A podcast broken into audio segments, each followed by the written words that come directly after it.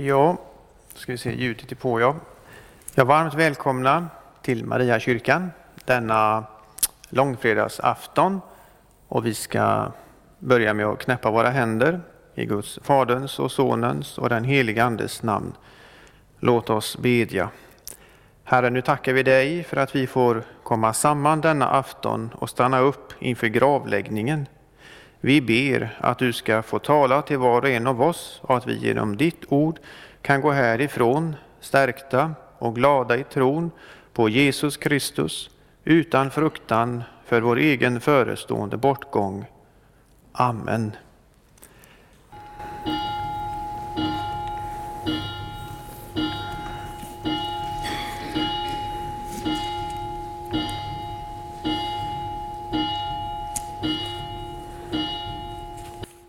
Så börjar vi med att sjunga psalm 460.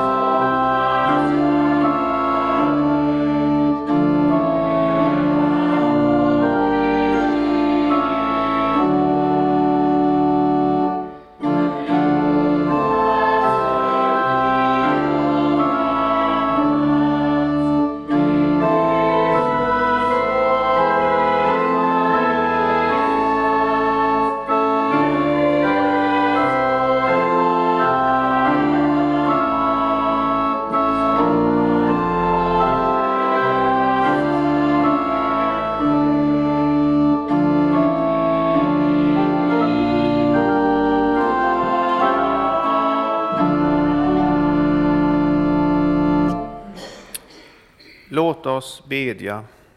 Herre Gud, himmelske Fader, du som för vår frälsnings skull har utgivit din enda son, vi prisar dig ödmjukt för detta din gudomliga kärleks under. Vi ber dig, hjälp oss att fly till din förlåtande kärlek och hämta tröst vid din Sons, vår frälsares kors.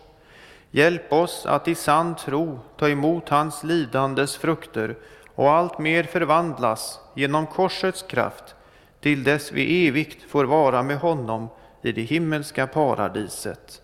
Amen. I dina händer överlämnar jag min ande. Lukas 23.46 Dessa ord ropade Jesus när han hängde på korset Orden var inte obekanta för dem som ännu var kvar vid Golgata. Jesus använder sig av en bön från Saltaren 31 den sjätte versen. Vid den här tiden brukade judiska barn nämna dessa ord i sin aftonbön innan de gick och la sig och slöt sina ögon. När barnen, hade som, när barnen hemma har somnat, då råder ju ett tyst lugn. Och om allt är bra mellan makarna lägger sig en sällsam frid i hemmet. Det var tyst även vid Jesu kors, innan den mindre jordbävningen och regnet bröt ut. Det var lugn och stilla.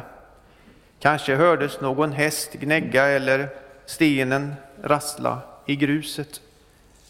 Och så är det även idag när vi besöker en kyrkogård eller vid en begravning och vi står runt den uppgrävda graven och kistan är nedsänkt. Anhöriga och andra går fram i tur och ordning, oftast med en blomma. Vid graven visas värdighet, sorg, vila och ro, men även hopp. Och dessa saker såg vi också i samband med Jesu gravläggning som vi nu ska stanna upp inför.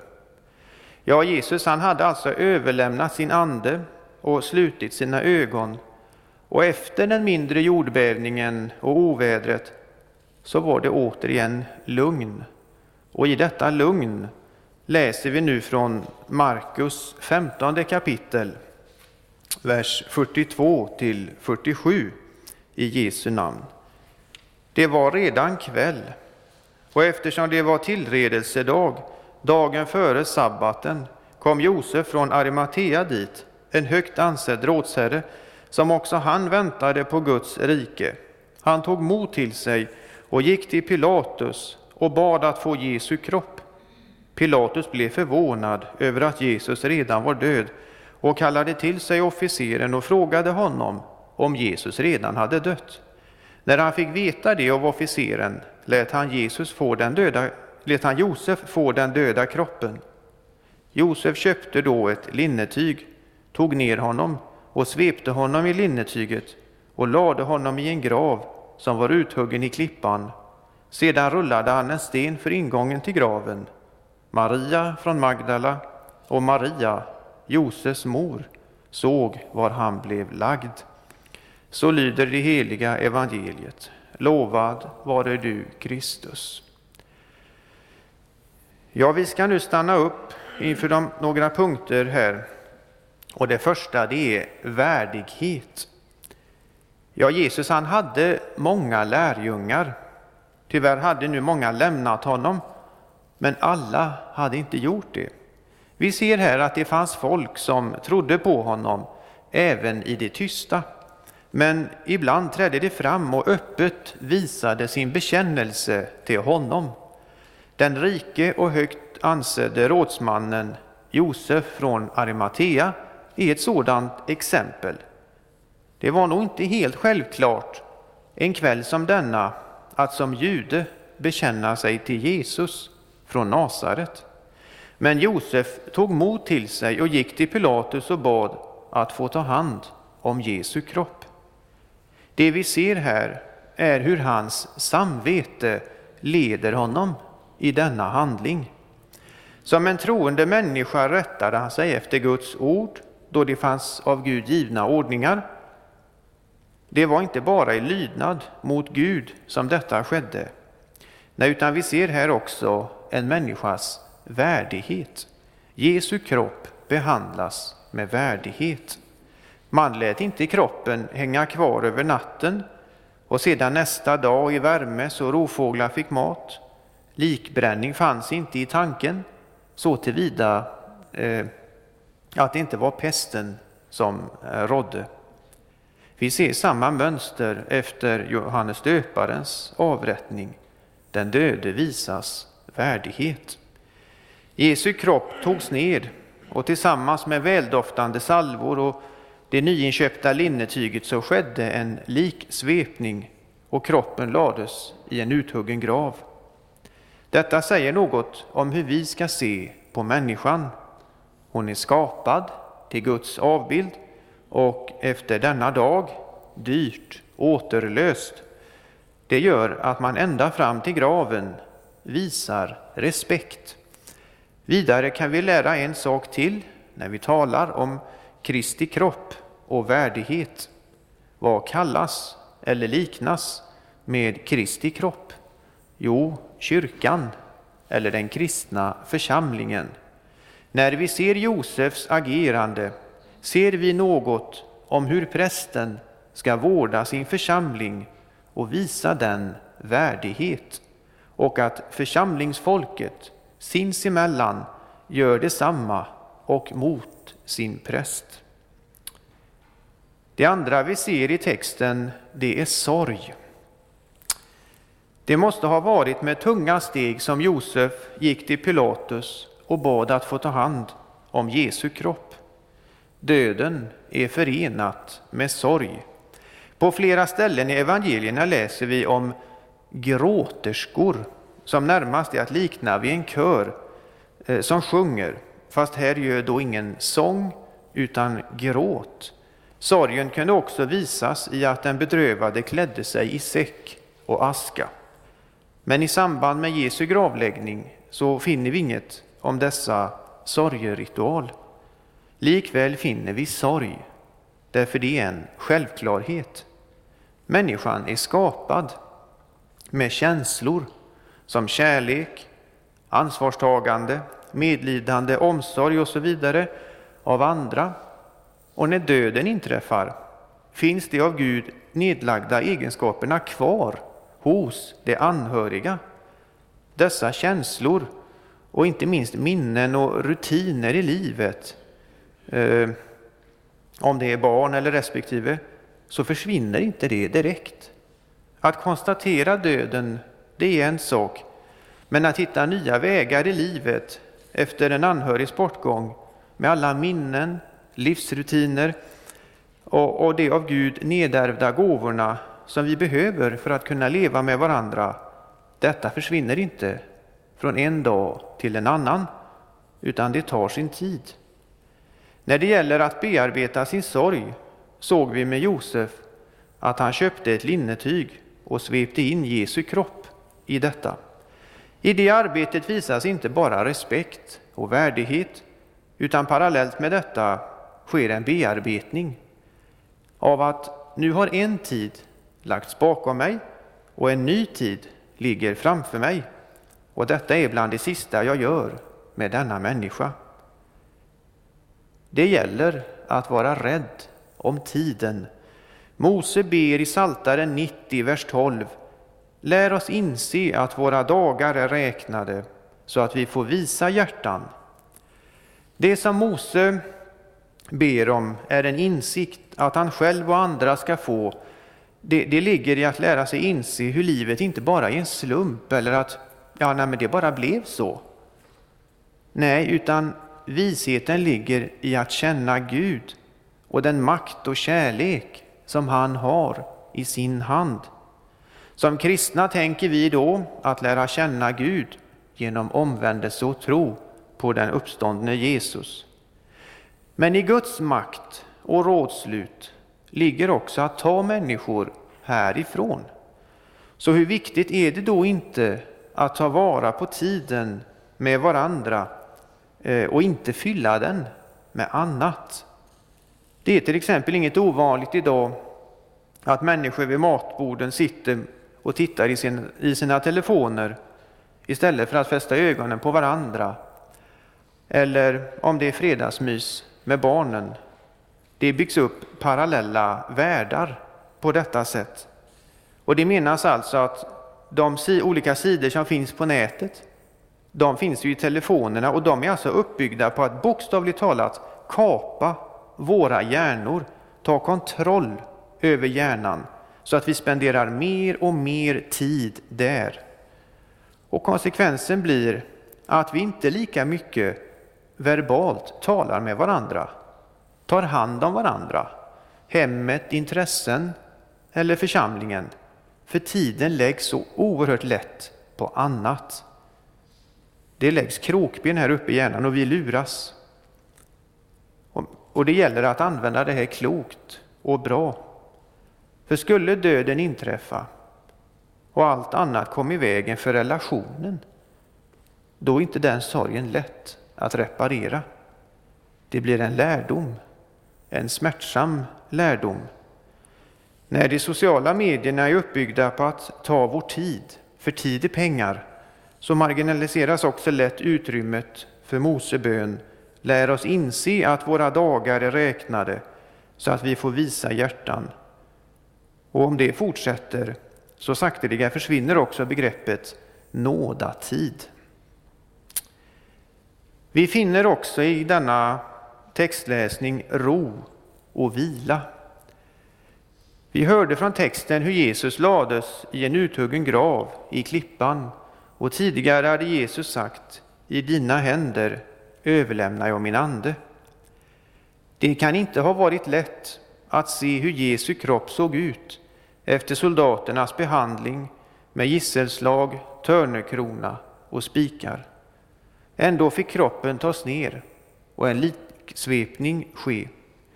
I Jesaja 53 står om Jesus att han var citat en som man skyler ansiktet för. Och det får man då se både samvetsmässigt och fysiskt. Men detta fick Josef se. Vi läste också, sedan rullade han en sten för ingången till graven. I detta hemska blev det ändå en värdig begravning, men likväl en smärtsam begravning. Livet är många gånger tungt, och även om det nu var extremt så ser vi att Jesus får en grav. Det är viktigt att ha en plats att kunna gå till. Det som inträder där är ro och vila. Att överlämna sin ande i dina händer är att vara vis. Det är det som Mose bad om i sin bön, visa hjärtan. Det är en visdom som världen inte förstår. Folk ute i samhället som vänder korset ryggen, alltså inte vill ta emot den försoning som vi har fått höra om idag, förstår sig inte på denna visdom. Paulus skriver att ty detta budskap om korset är en dårskap för dem som blir förtappade, men för oss som blir frälsta är det en Guds kraft. I första Korinthierbrevet 1.18 och längre ner skriver, står det så här, vi predikar Kristus som korsfäst, för judarna en stötesten och för hedningarna en dårskap. Den visdom som Mose bad om är en gudomlig visdom. Det är inte vad media i allmänhet talar om. Det är något som behöver uppenbaras från Gud själv, alltså likt en ridå som går upp och att man ser med nya ögon. Och vi kan ta ett exempel i samband med Paul, eh, Paulus omvändelse. Så när Ananias lägger händerna på honom och talar och ber läser vi Genast var det som fjäll föll från hans ögon och han fick sin syn igen och blev döpt. Kristna människor har av Guds ande kraft fått öppnade ögon till att kunna se och i tro ta emot den rättfärdighet som Jesus med sin ställföreträdande död på korset ordnade med istället för oss. Och innebörden i ställföreträdare är viktigt när vi talar om den kristna försoningsläran. Under fastetiden har vi följt evangelisten Markus beskrivning av Jesu lidandes historia. Och i kapitel 10, vers 45 säger Jesus om sig själv Människosonen har inte kommit för att bli betjänad utan för att tjäna och ge sitt liv till lösen för många. Saken är att en annan kommer in i ditt och mitt ställe och tar det straff som var lagt på oss. Jesu ord kopplas tillbaka till Gamla testamentet. I femte Moseboks sjunde kapitel och den åttonde versen säger Mose utan det var därför att Herren älskade er och höll den ed som han hade svurit era fäder och som Herren förde er ut med stark hand och befriade dig ur träldomshuset, ur den egyptiske kungens hand, ur faraos hand. Och här har vi hur en annan går in. Och i Jesaja 41.14 läser vi Frukta inte, du mask, Jakob, ni Israels män, jag hjälper dig, säger Herren. Israels helige är din återlösare. Här hade vi ett annat ord, återlösare. Och det är alltså att man går in och betalar ett mycket, mycket högt pris. Och eh, istället för oss är det Jesus som går in och då är han vår ställföreträdare. Det fjärde och sista som vi ser vid graven, det är hoppet. Aftonen råder, det är ro och vila och vi har stannat upp inför Jesu gravläggning. När vi tänker på detta med graven, då, då ska vi inte bli rädda och låta oss gå vilse i mörkret, för det är ju mörkt när vi tittar ner i en grav. Nej, utan vi får komma ihåg att Jesus är vår försoning. Det är ju han som gick in i vårt ställe för att ge oss en möjlighet till att kunna gå fria på domens dag. Något var tvunget att komma mellan Gud och vår synd. Det är Jesus som är vår återlösare. Inför gravens vila, den som kommer över oss alla, ska vi tänka på att Jesus har också varit där. Han gick före och vi får följa efter. Vi behöver inte frukta något, utan en kristen människa får se döden som, eh, alltså som en sömn som man blir väckt ur på uppståndelsens morgon. När Jesus uppväckte synagogsföreståndarens flicka, då säger han så här, eller innan där, då, då säger han, flickan är inte död, hon sover.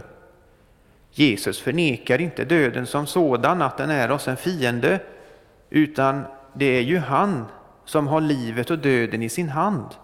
Och genom evangelium, då ger han oss livet som en gåva till att kunna ta emot i tro, alltså det eviga livet i himlen. Det är ateisten som tror att döden bara är död och inget mer. Jesu ord, hon sover, är en vidareutveckling av begreppet död så tillvida att han har makt över döden eftersom han genom sin död har besegrat Satan och den död som kom genom syndafallet. Gud skapade ju inte döden. Jesu ord, hon sover, är också något som han kan säga eftersom han har makten att uppväcka en människa och ge människan liv igen. Uppståndelsen är en del av vår kristna tro, en del av vårt kristna hopp. Så har vi fått se något av hur det gick efter Jesu död, då en lärjunge i det tysta trädde fram och ordnade så att det blev en värdig begravning, likväl en sorgefull sådan. Samtidigt, så vid Jesu grav, blev det till slut ro och vila som också gav hopp. Detta är något som den kristna församlingen får bära med sig i sitt andliga liv. Kristi kropp, det är något man visar värdighet och vårdar sig om.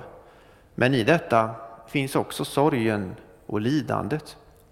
Men frälsningen i Kristus, att det är inte jag eller du, utan det är Jesus som är vår återlösare han är vår ställföreträdare. Det är något som ger själen ro och vila och eh, något man får förtrösta till. Det är ett hopp, något att vila på när uppståndelsens morgon gryr över våra gravar. Amen. Lovad vare Gud och välsignad i evighet, som med sitt ord tröstar, lär, förmanar och varnar oss. Helige Ande, skriv ordet i våra hjärtan, så att vi inte blir glömska hörare, utan varje dag växer till i tro, hopp, kärlek och tålamod, in till tidens slut och blir saliga. Genom Jesus Kristus, vår Herre. Amen.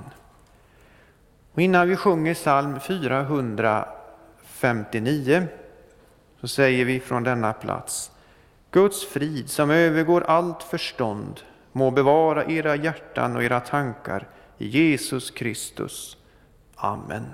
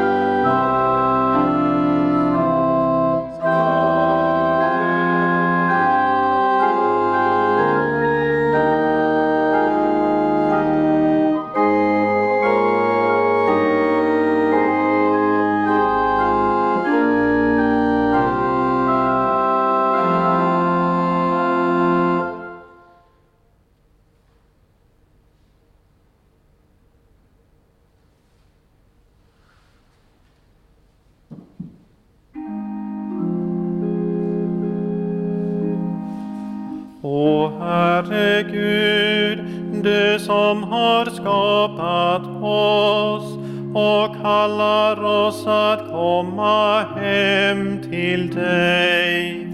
Ge oss alla visa hjärtan så att vi inser livets korthet och tar emot varje dag som en ny gåva. Ge oss en levande tro på din Son Jesus Kristus som led döden för våra synders skull och uppstod ur graven för att ge oss ett hopp och lever i evighet. Lär oss att dagligen dö från synden och leva efter din heliga vilja. Och när vår dödsstund kommer, gör oss rätt beredda att saligt skiljas hädan. När evighetens påsk gryr över jordens gravar. Låt oss av nåd få uppstå till evigt liv. Amen.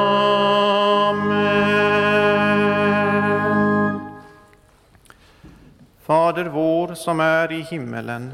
Helgat varde ditt namn. Tillkommer ditt rike. Ske din vilja så som i himmelen, så och på jorden. Vårt dagliga bröd giv oss idag och förlåt oss våra skulder så som och vi förlåta dem oss skyldiga äro. Och inled oss inte i frestelse utan fräls oss ifrån ondo. Ty riket är ditt och makten och härligheten i evighet. Amen. Tag emot Herrens välsignelse. Herren välsigne er och bevare er. Herren låte sitt ansikte lysa över er och vare er nådig. Herren vände sitt ansikte till er och give er frid. I Faderns och Sonens och den helige Andes namn. Amen så sjunger vi psalm 144 från den fjärde versen.